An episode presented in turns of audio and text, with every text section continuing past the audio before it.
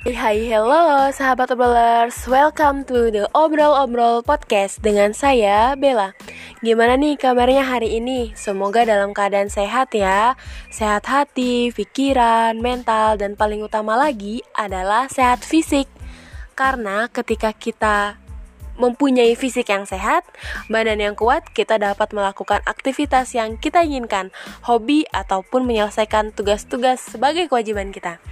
Nah, jadi ini merupakan podcast perdana dari The Obrol-Obrol Podcast untuk dapat menemani teman-teman di segala aktivitas. Mungkin ada yang sedang di perjalanan ataupun mengejar deadline dan aktivitas yang lain. Di The Obrol-Obrol Podcast tentunya kalian akan mendengarkan celotehan dari aku, berbagi suka dan duka, canda dan tawa. Tapi di sini juga kita akan membahas mengenai topik-topik yang sedang relate dirasakan oleh kaum milenial kebanyakan dan tidak menutup kemungkinan ke depannya akan mendatangkan narasumber yang dapat menemani podcast ini untuk berbagi ilmu dan pengalaman. Oke Dobrolers, jadi untuk podcast perdana kali ini aku akan membahas mengenai toxic relationship kita nih sebagai manusia adalah makhluk sosial ya nggak sih? Yang artinya itu kita tidak bisa hidup sendiri dan selalu akan berinteraksi dengan orang lain. Dari hasil interaksi kita itu timbul berbagai dampak, dampak baik ataupun negatif. Nah, jika berbicara mengenai toxic, toxic relationship itu sendiri, sebenarnya sangat luas ya, Dobrolers. Sebelumnya, apa sih sebenarnya yang dimaksud dengan toxic relationship itu? Toxic relationship itu adalah hubungan yang terjadi antara kita dengan seseorang, namun hubungan tersebut dikategorikan tidak sehat. Toxic relationship ini dapat terjadi antara kita dengan orang tua, antara kita dengan pasangan, ataupun juga dengan teman. Sehingga memang membahas topik ini akan menjadi sangat panjang. Namun, sahabat obrolers tenang aja.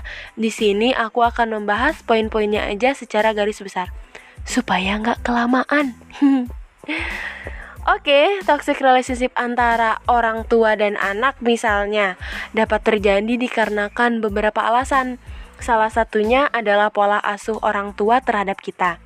Ketika orang tua sangat mengatur sepenuhnya kehidupan sang anak tanpa diberikan ruang sebagai hak untuk anak atas hidupnya sendiri, juga dapat menjadi toksik dan bahkan trauma bagi anak. Misalnya, dari kecil sampai besar untuk menentukan pilihan tidak diberikan ruang untuk anak memilih sesuai bakat, kemampuan, dan kesukaan anak. Alhasil, si anak melakukan semuanya itu dengan terpaksa nih obrolers Efeknya itu si anak tuh menjadi tidak semangat dalam menjalankannya atau bahkan sampai muncul trauma di diri dia karena harus menjadi orang sesuai keinginan orang tua yang tanpa ia suka. Contoh yang paling sering juga nih terjadi the obrolers ketika orang tua tanpa sengaja membanding-bandingkan diri kita dengan orang lain ya mungkin tujuannya untuk membuat kita semakin semangat gitu ya atau memotivasi kita tapi padahal hal tersebut membuat kita tidak nyaman atau mungkin lagi dikarenakan pola komunikasi orang tua dengan anak. Misalnya, tanpa adanya filtering orang tua terhadap anak tentang semua yang terjadi di keluarga yang seharusnya anak belum saatnya tahu. Ketika orang tua sedang berantem atau berbeda pendapat, namun diperlihatkan di depan anak, atau misalnya dengan ngespil semua keadaan yang buruk, salah satunya misalnya ekonomi terpuruk kepada anak yang berdampak pada psikologi anak, di uh, uh, maka si anak itu mungkin beranggapan dia menjadi beban dan tidak layak hidup, atau mungkin beras merasa tidak dicintai gitu, dobrolers. Sedangkan toxic relationship antara kita dengan teman itu merupakan hubungan yang membuat kita rasanya semakin lama semakin sakit jika diteruskan. Misalnya nih, ketika kita bertemu dengan teman yang menganggap kita sebagai kompetitor dia atau membuat kita kehilangan teman yang lain atau membuat kita tidak bisa lagi lebih berkembang karena ada pola komunikasi yang membuat dia uh, apa ya ter terhadap kita tuh seolah tertekan atau bersembunyi di balik pertemanan itu sendiri gitu. Dan yang paling banyak juga terjadi ketika kita menemukan lingkungan pertemanan yang tidak sehat, misalnya lingkungan penggosip atau yang disebut juga dengan gibah. Semua digibahin, bahkan menggibahkan teman sendiri ketika orang tersebut sedang tidak berada di circle tersebut saat itu. Nah, Begitulah dobroler, semakin banyak kita bertemu dan berkenal dengan orang, maka semakin banyak juga kita tahu sifat dan karakter orang yang kita temui. Sifat-sifat tersebut ada yang gak cocok dengan kita dan sebaliknya. Nah, di situ juga titik toleransi kita muncul. Mana ketidakcocokan tersebut yang dapat kita toleransi dan mana yang tidak karena membuat kita sakit jika terlanjur dilanjutkan misalnya. Ada teman yang dari cara dia berkomunikasi membuat kita juga tidak nyaman karena merendahkan kita dan merasa diri dia paling lebih dari segalanya. Padahal tuh ya, kita tidak berniat untuk berkompetisi dengan dia, namun dari gaya berbicaranya seolah dia tidak mau kalah. Mungkin sahabat obrolers ada lah ya merasakan contoh-contoh dari sekian banyak contoh ini. Nah, ada lagi nih Bahkan ada teman yang selalu merasa diri dia paling menderita di dunia ini. Sehingga ketika sharing, kita selalu dibandingkan dengan cerita dia dan menganggap bahwa ujian kita itu remeh-temeh gitu. Sedangkan ujian setiap orang itu kan berbeda-beda ya nggak obrolers dan tidak dapat nih kita menilai siapa yang paling berat ujiannya dan siapa yang paling ringan. Alasannya tuh simpel karena kapasitas masing-masing manusia itu berbeda-beda dan Tuhan udah memberikan ujiannya sesuai porsinya. Ada juga misalnya teman yang menjual kisah sedihnya terus-terusan sehingga mendapatkan perhatian lebih dari kita. Yang akhirnya membuat kita itu harus lebih mementingkan diri dia sendiri dibandingkan kita. Padahal nih, dia sendiri tidak mementingkan kita.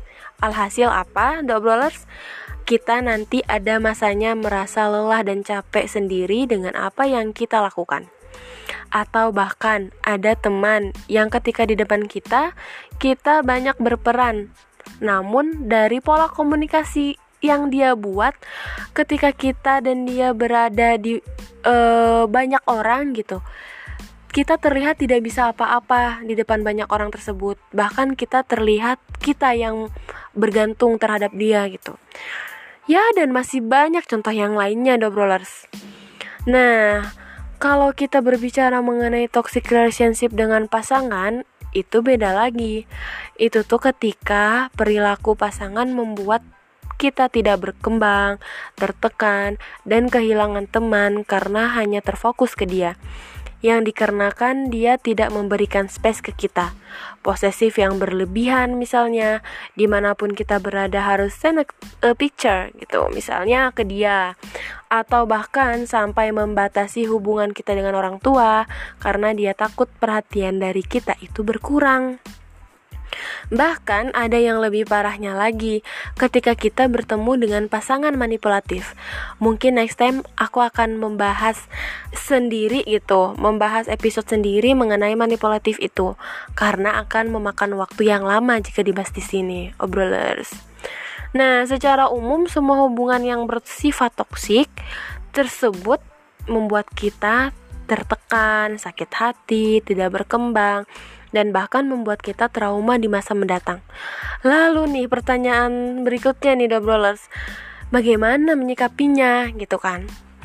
Oke, yang pertama, khusus untuk toxic relationship antara anak dengan orang tua, caranya adalah mulai untuk berani jujur atas apa yang kalian rasakan dan apa yang kalian uh, inginkan kepada orang tua. Misalnya, Ketika kalian tidak suka sesuatu yang diberikan orang tua ataupun keputusan orang tua, coba deh kalian mulai berani untuk mengutarakannya dan disertai alasan dan solusi yang lain yang dapat membuat kalian lebih nyaman. Dan setelah itu, orang tua perlu pembuktian pastinya ya nggak brolers mengenai keputusan yang kita pilih. Maka lakukanlah pembuktian. Misalnya, ketika mengalami perbedaan pendapat mengenai jurusan kuliah yang yang ingin kita ambil, atau misalnya antara kita akan lanjut S2 atau langsung bekerja. Harus berani mengungkapkan dan beserta alasan, serta jangan lupa pembuktian. Namun penyampaiannya diusahakan tetap tanpa emosi ya brolers. Begitupun antara kita dengan teman dan pasangan. Ketika kita bisa rasanya masih membicarakannya itu dengan baik-baik, cobalah untuk disampaikan. Misalnya, kita kurang suka dengan sikap atau sifat dia yang seperti itu. Nah, nanti dilihat lagi dari respon dia, apakah membuat kita nyaman atau bahkan semakin membuat kita sakit hati. Jika membuat kita bertambah sakit, mungkin dapat dipikirkan dan dipertimbangkan kembali tentang hubungan kamu ini Cara yang kedua dalam menghadapi toxic relationship ala obrol-obrol podcast adalah membuat boundaries atau batasan tentang diri kita dan pastinya itu membutuhkan ketegasan dari diri kita. Misalnya nih, dengan berani menolak dan berkata tidak terhadap ajakan ataupun statement seseorang.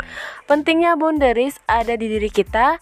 Dari situ kita dapat menentukan hal mana yang masih dapat kita toleransi dan mana yang tidak. Ingat ya teman-teman, kita harus mulai berani bersikap tegas.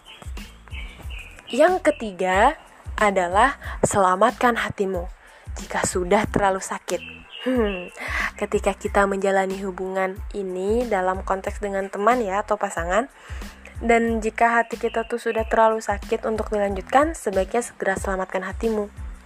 Misalnya, ketika kita sudah banyak meminta maaf, tapi dia masih selalu menyalahkan kita dan mencoba dan kita tetap mencoba menyelamatkan hubungan tersebut. Namun semakin lama semakin membuat kita sakit aku sarankan sih untuk segera mengakhirinya jika itu pasangan. Jika itu teman mungkin perlahan dikurangi intensitasnya dan mulai memikirkan diri sendiri. Oke, jadi sekian dulu podcast kali ini The Obrolers. Ingat ya, teman-teman, tidak semua orang yang kita temui itu harus cocok dengan kita. Jadi, jangan bersedih hati dan terlalu memaksakan diri untuk cocok berteman dengan seseorang. Oke, terima kasih sudah mendengarkan ini. Semoga next time uh, bisa menemani teman-teman lagi ya. See you.